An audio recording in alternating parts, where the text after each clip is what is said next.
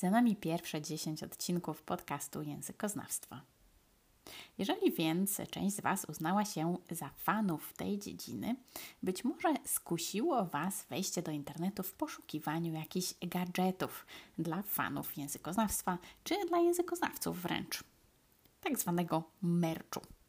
No i szukacie sobie e, merchu, używając na przykład wyszukiwarki Google, czy Allegro, czy innego Etsy, wpisując gadgets for linguists, czy coś w tym rodzaju i okazuje się, że w większości wychodzą Wam różne rodzaje koszulki z napisem Colorless Green Ideas Sleep Furiously oraz e, memy z Noamem Chomskim. O co tu chodzi? Kim jest Noam Chomsky i dlaczego przejął rynek gadżetów językoznawczych?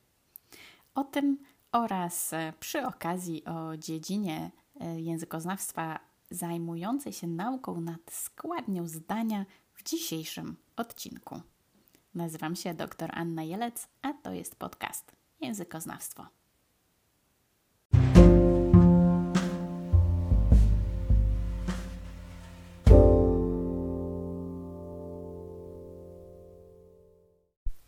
Żeby zrozumieć rolę, jaką Noam Chomsky odegrał w badaniach nad składnią, musimy cofnąć się nieco w przeszłość.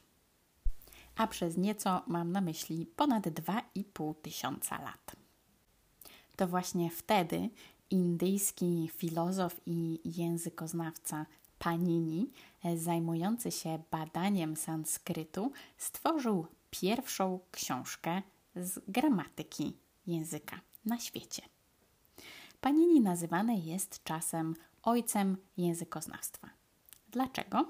Dlatego, że napisana przez niego gramatyka sanskrytu zawierała 3959 zasad opisujące badania nad tym językiem, jego składnie i zasady semantyczne nim rządzące.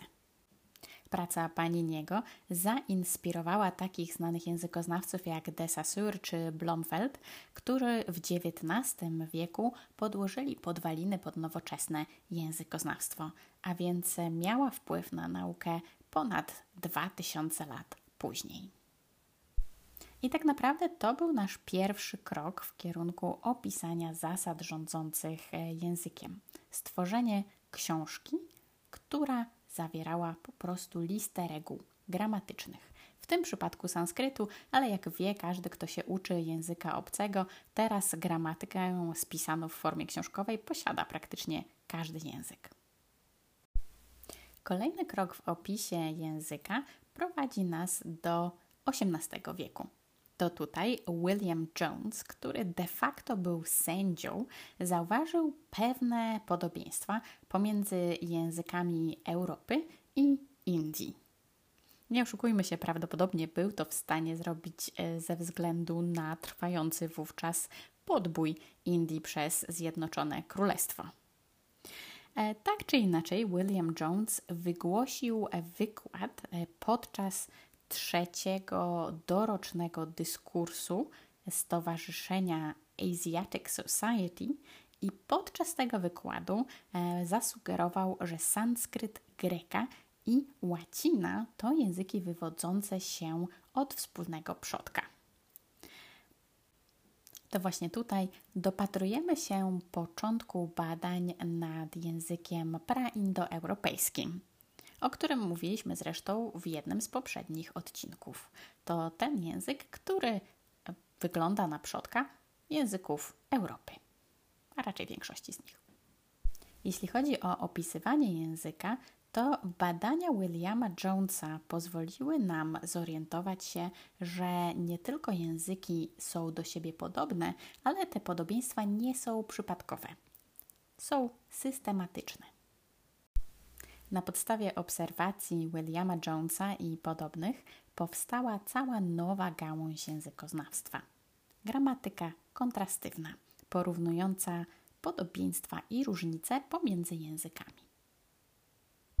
Tych z Was, których gramatyka kontrastywna przeczołgała na studiach filologicznych czy językoznawczych, być może ucieszy informacja, że osoby odpowiedzialne za jej powstanie od dawna nie żyją. Są to Wam bardzo dobrze znani bracia Grimm. Tak, dokładnie ci sami bracia Grimm, którzy odpowiedzialni są również za powstanie baśni braci Grimm. Jednak oprócz tego, że jeździli po kraju spisując najbardziej krwawe mitologiczne opowieści, jakie możecie sobie wyobrazić, a jeśli mi nie wierzycie, to totalnie powinniście przeczytać baśni, baśnie w wersji nieocenzurowanej i nie dla dzieci. Jakob Grimm był językoznawcą, który zaproponował między innymi prawo Grima, o którym e, opowiem być może nieco później, ale również e, we wspólnie ze swoim bratem stworzyli tak zwaną Deutsche Grammatik, która uznawana jest powszechnie za pierwsze wielkie dzieło językoznawstwa porównawczego. Podczas gdy Jakob Grimm zajmował się głównie badaniami nad językiem, e, jego brat Wilhelm zajmował się w szczególności redakcją baśni, które zbierali po kraju. I tak powstały dwie edycje owych baśni. Jedna e, pod tytułem Kindermärchen, czyli skierowana do dzieci, i druga pod tytułem Deutsche Mythologie, gdzie można było znaleźć, e, no powiedzmy, nieco bardziej hardkorową wersję wydarzeń. A przez hardkorową mam na myśli fakt, że chociażby baśń Gęsiareczka jest e, spisana właśnie przez braci Grimm ta sama baśń, która opisuje historię księżniczki, która miała gadającego konia, któremu obcięto głowę, a później tę głowę powieszono nad bramą, pod którą przechodziła codziennie księżniczka, żeby nieżywy, gadający koń mógł z nią rozmawiać.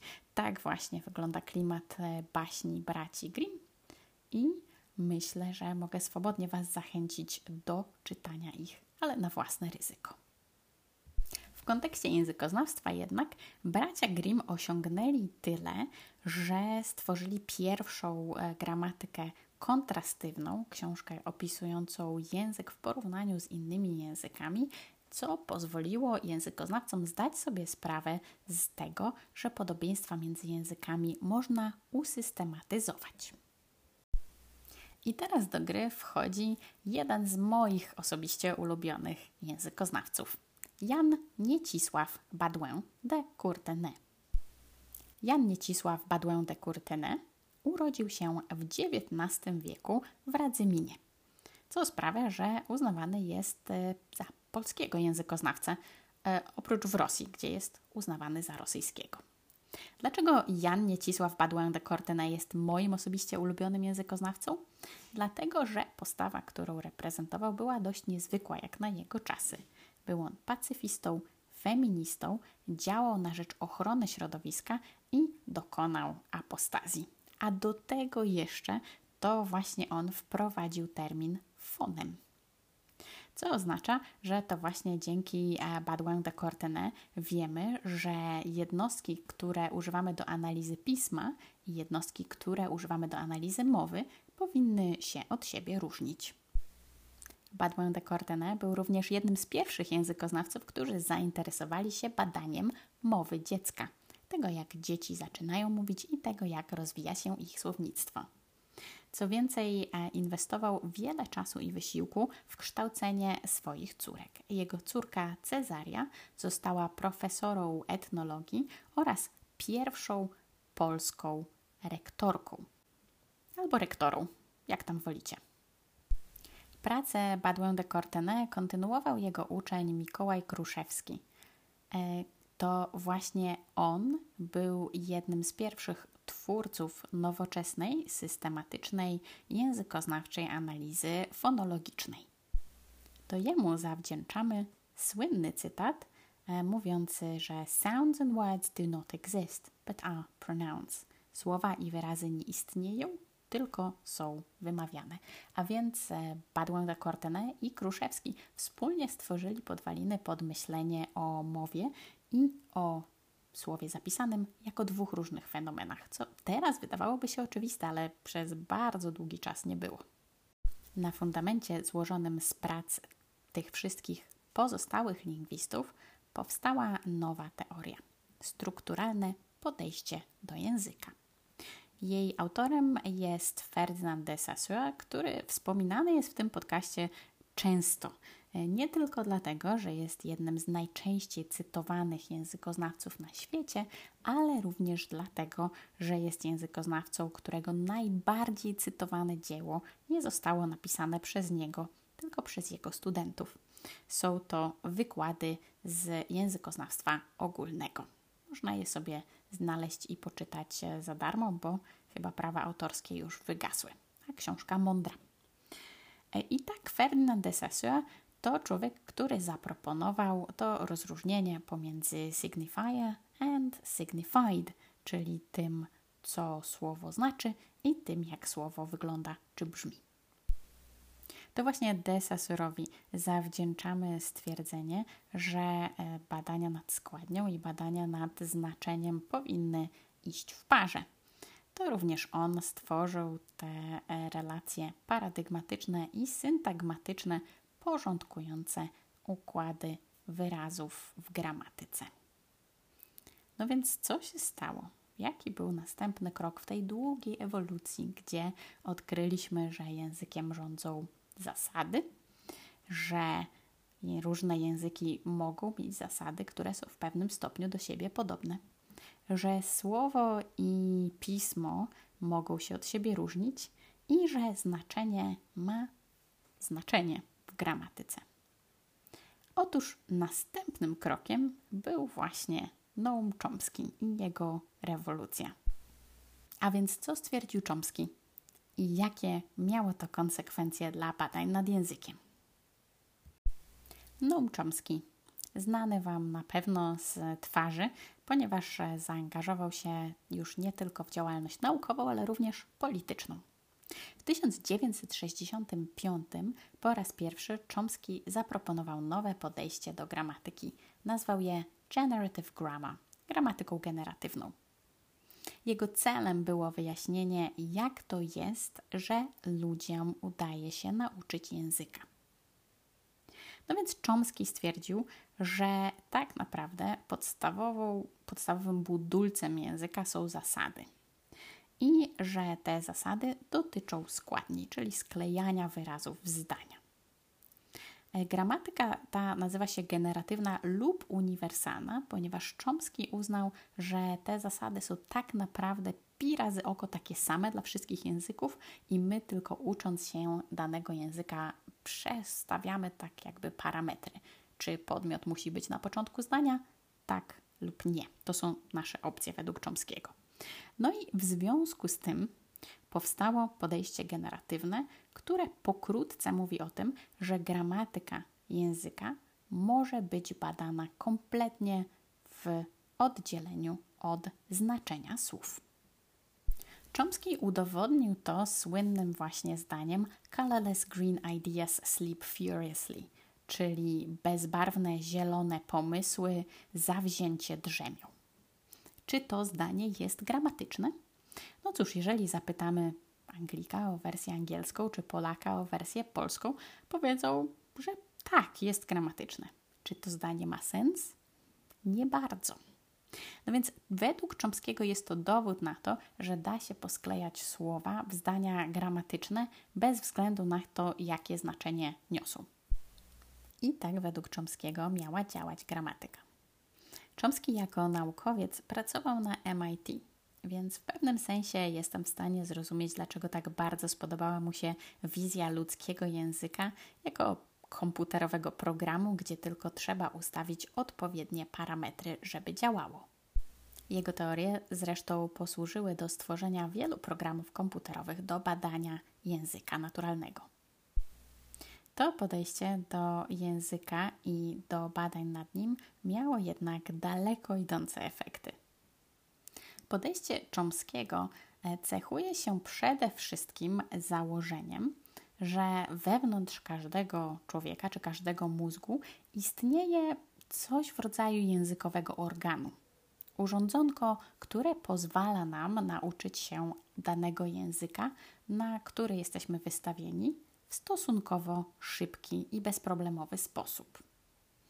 Chomsky mówił o tym The Language Organ albo The Language Faculty. Według niego istnieje idealna forma gramatyki, która zasejwowana jest w tymże właśnie organie, a my tylko produkujemy jej nieidealne wersje, albowiem no, człowiek jak człowiek i mówi jak umie. Te dwie jakby warstwy języka Chomsky nazwał strukturą głęboką, tą idealną, e, deep structure, i strukturą płytką, tą, którą produkujemy, nieidealną, z definicji surface structure. I tak zdania Robin czyta książki, czy książki czytane są przez Robin, mogą mieć tę samą strukturę głęboką.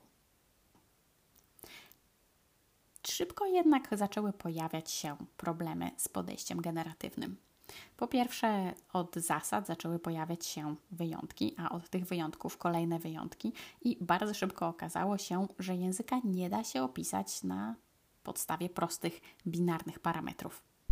To jednak nikomu nie przeszkadzało, aż do momentu, kiedy czterech uczniów Chomskiego, Paul Postel, Hodge Ross, George Lakoff i James McCauley, zaproponowało e, alternatywną teorię gramatyki, która mówiła o tym, że to znaczenie leży u podstaw gramatyki, a nie odwrotnie. I nie będę się tu mocno rozwodzić nad gramatyką generatywną, bo jeśli ktoś chce, to sobie doczyta. Ale warto zauważyć, że starcie pomiędzy Chomskim a jego uczniami do teraz w historii językoznawstwa nazywa się Linguistic Wars wojny językoznawcze. W wyniku Linguistic Wars nastąpił rozłam i powstała kolejna odmiana językoznawstwa, tak zwane językoznawstwo kognitywne, które ja osobiście również uprawiam. W ramach niego powstała seria teorii, o których będę mówić szczegółowo jeszcze w kolejnych odcinkach, ponieważ oczywiście, że będę mówić o rzeczach, które najbardziej mnie interesują. Tymczasem jednak skupmy się na dwóch rzeczach, bo mówimy o gramatyce – no więc tych czterech studentów, tych czterech uczniów Chomskiego, zwanych również czasem e, czterema jeźdźcami apokalipsy z racji, że wywołali wojny językoznawcze, stworzyło podejście nazwane Generative Semantics. E, tak jak wspominałam, mówi ono o tym, że to semantyka, czyli znaczenie słów, sprawia, że struktury gramatyczne są takie, jakie są, a nie vice versa. Z tych czterech wymienionych przeze mnie nazwisk największy posłuch zyskał George Lakoff, e, jeden z uczniów Chomskiego. To właśnie on znany jest z tego, że nie zgadza się, że gramatyka może być badana niezależnie od znaczenia – to właśnie on również poszedł w ślady Chomskiego i wypowiada się szeroko na arenie politycznej.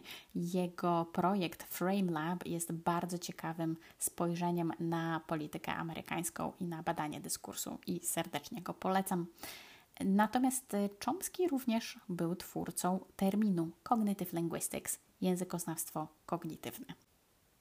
Lakoff zaproponował ten termin w swojej książce Women, Fire and Dangerous Things, czyli Kobiety, ogień i inne niebezpieczne rzeczy. E, I mogłabym polecić tę książkę, ale tak naprawdę czytałam ją i szału nie ma, więc polecę Wam później inną książkę autorstwa Lejkofa. Ale to już w odcinku o metaforze poznawczej. Tymczasem jednak prace Lejkofa mówią nam tyle, że wcale nie jest tak łatwo oddzielić znaczenie od gramatyki. Tę myśl kontynuowała kolejna badaczka. Adele Goldberg to badaczka, która zaproponowała, że język jest siecią par, formy i funkcji. I jeśli brzmi to Wam podobnie do tego, co mówił Dessaussure, to bardzo słusznie. Goldberg nazwała te pary konstrukcjami, w związku z czym jej teoria nazywa się Construction Grammar gramatyka konstrukcji. Jako konstrukcję możemy rozumieć na przykład słowo takie jak aardvark czy mrówkojad, e, możemy e, rozumieć morfemy, możemy rozumieć wyrażenia, idiomy, ale również gramatyczne zasady, na przykład stosowanie trybu biernego. Dlaczego gramatyka konstrukcji jest taka ciekawa? Dlatego, że e, mimo, że od wieków ludzie kłócili się, a przez ludzie mam na myśli językoznawcy, językoznawcy kłócili się, czy gramatyka i słownictwo są ze sobą w jakiejś relacji, jeśli tak, jaka jest to relacja. Goldberg twierdzi, że w ogóle nie ma tej granicy, że jedno przechodzi płynnie w drugie. Według niej język składa się ze wzorów i te wzory po prostu mogą być bardziej lub mniej abstrakcyjne. Najbardziej konkretne będą same słowa i zasady nimi rządzące, czyli fakt, że możemy powiedzieć pies i dodać ek, co daje nam zdrobnienie piesek. Na większym poziomie abstrakcji znajdą się zasady rządzące tworzeniem konkretnych konstrukcji. W angielskim jest to na przykład opisana przez Goldberg konstrukcja the XE, the YE, czyli im bardziej coś, tym bardziej coś innego. E, dla przykładu, the more you think about it, the less you understand, the better the day, the meaner the dog i tak dalej. Brzmi to jak po prostu schemat powiedzonka, gdzie możemy powiedzieć, że im bardziej coś tam, tym bardziej to drugie coś tam. Im lepszy dzień, tym wredniejszy pies. Jest to konstrukcja gramatyczna, gdzie x i y możemy wypełnić praktycznie dowolnie. A więc widzimy tu, że jest to pewien abstrakcyjny schemat, który możemy użyć do stworzenia konkretnej wypowiedzi. Gramatyka konstrukcji nazywa to partially filled pattern, czyli częściowo wypełnionymi konstrukcjami. Kolejnym ładnym przykładem konstrukcji częściowo wypełnionej, gdzie forma jest skorelowana ze znaczeniem, są konstrukcje, w którym, których dany czasownik jest wykorzystany w sposób dość nietypowy. Na przykład Pat sneezed the foam off the cappuccino, czyli Patrycja skichała piankę z kawy. Dlaczego jest to nietypowe? No cóż, bo słowo kichać czy sneeze zazwyczaj oznacza czynność, która niczego nie powoduje. Jest to po prostu kichnięcie. Natomiast jeżeli włożymy ją w konkretną konstrukcję gramatyczną, w tym przypadku sneeze the foam off something, może ona stać się siłą, która powoduje jakieś e, zmiany w otoczeniu. Podobnie mamy She kissed him unconscious, gdzie kiss zazwyczaj nie powoduje takich rzeczy jak utrata przytomności, jednak w tej konstrukcji gramatycznej może, czy She faxed him a letter, gdzie e, faxed jest użyte jako jakiś ekwiwalent słowa dać. Teoria Adele Goldberg jest o tyle fajna, że tłumaczy różnorodność językową i kreatywność. Zamiast bowiem zakładać, że gdzieś tam w głowie mamy organ językowy, który posiada wszystkie zasady i my tylko możemy sobie powiedzieć breakam wszystkie rule albo i nie, e, zakładamy, że uczymy się języka wyciągając wnioski z tego, jak ludzie mówią wokół nas. I tak gramatyka każdego z nas będzie się odrobinkę różniła, choć oczywiście będą istotne punkty wspólne.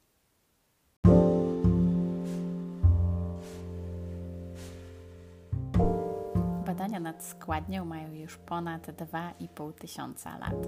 I tak e, cały czas zastanawiamy się nad tym, jak struktura naszego języka ma się do tego, co mamy w głowie, jak to, co mówimy, odzwierciedla to, co mówimy i na ile faktycznie Chomsky miał rację, mówiąc, że można mówić gramatycznie, ale bez sensu i co nam to mówi o naszym języku. Oczywiście, jakkolwiek e, idea posiadania organu językowego w mózgu budzi we mnie uczucia co najmniej mieszane, nie można zaprzeczyć, że Chomsky jest jednym z najbardziej znanych i rozpoznawalnych językoznawców, którego istnienie i badania stworzyły naprawdę wiele memów. Jedną z wad jego podejścia było to, że opierało się praktycznie prawie wyłącznie na odczuciach jego i jego współpracowników dotyczących języka angielskiego. I niby miało to być e, generalizowane na inne języki, ale tak naprawdę okazuje się, że wcale nie jest to takie łatwe co mam nadzieję udowadnia, że warto się uczyć innych języków. Nie jest to jakieś wymagane, jeżeli chcemy być językoznawcą, możemy znać tylko jeden język, ale ale znając tylko jeden język i tworząc tylko na jego podstawie e, swoje teorie, mamy większą szansę, że uda nam się wywołać językoznawcze wojny. Wybór pozostawiam w Waszych rękach.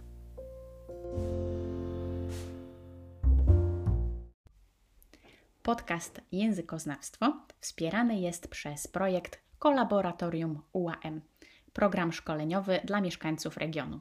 Realizowany jest w ramach programu operacyjnego Wiedza, Edukacja, Rozwój 2014-2020 i współfinansowany ze środków Europejskiego Funduszu Społecznego. Program Kolaboratorium oferuje wiele fascynujących kursów prowadzonych przez pracowników UAM, które serdecznie polecam. Zajrzyjcie na stronę kolaboratorium.amu.edu.pl.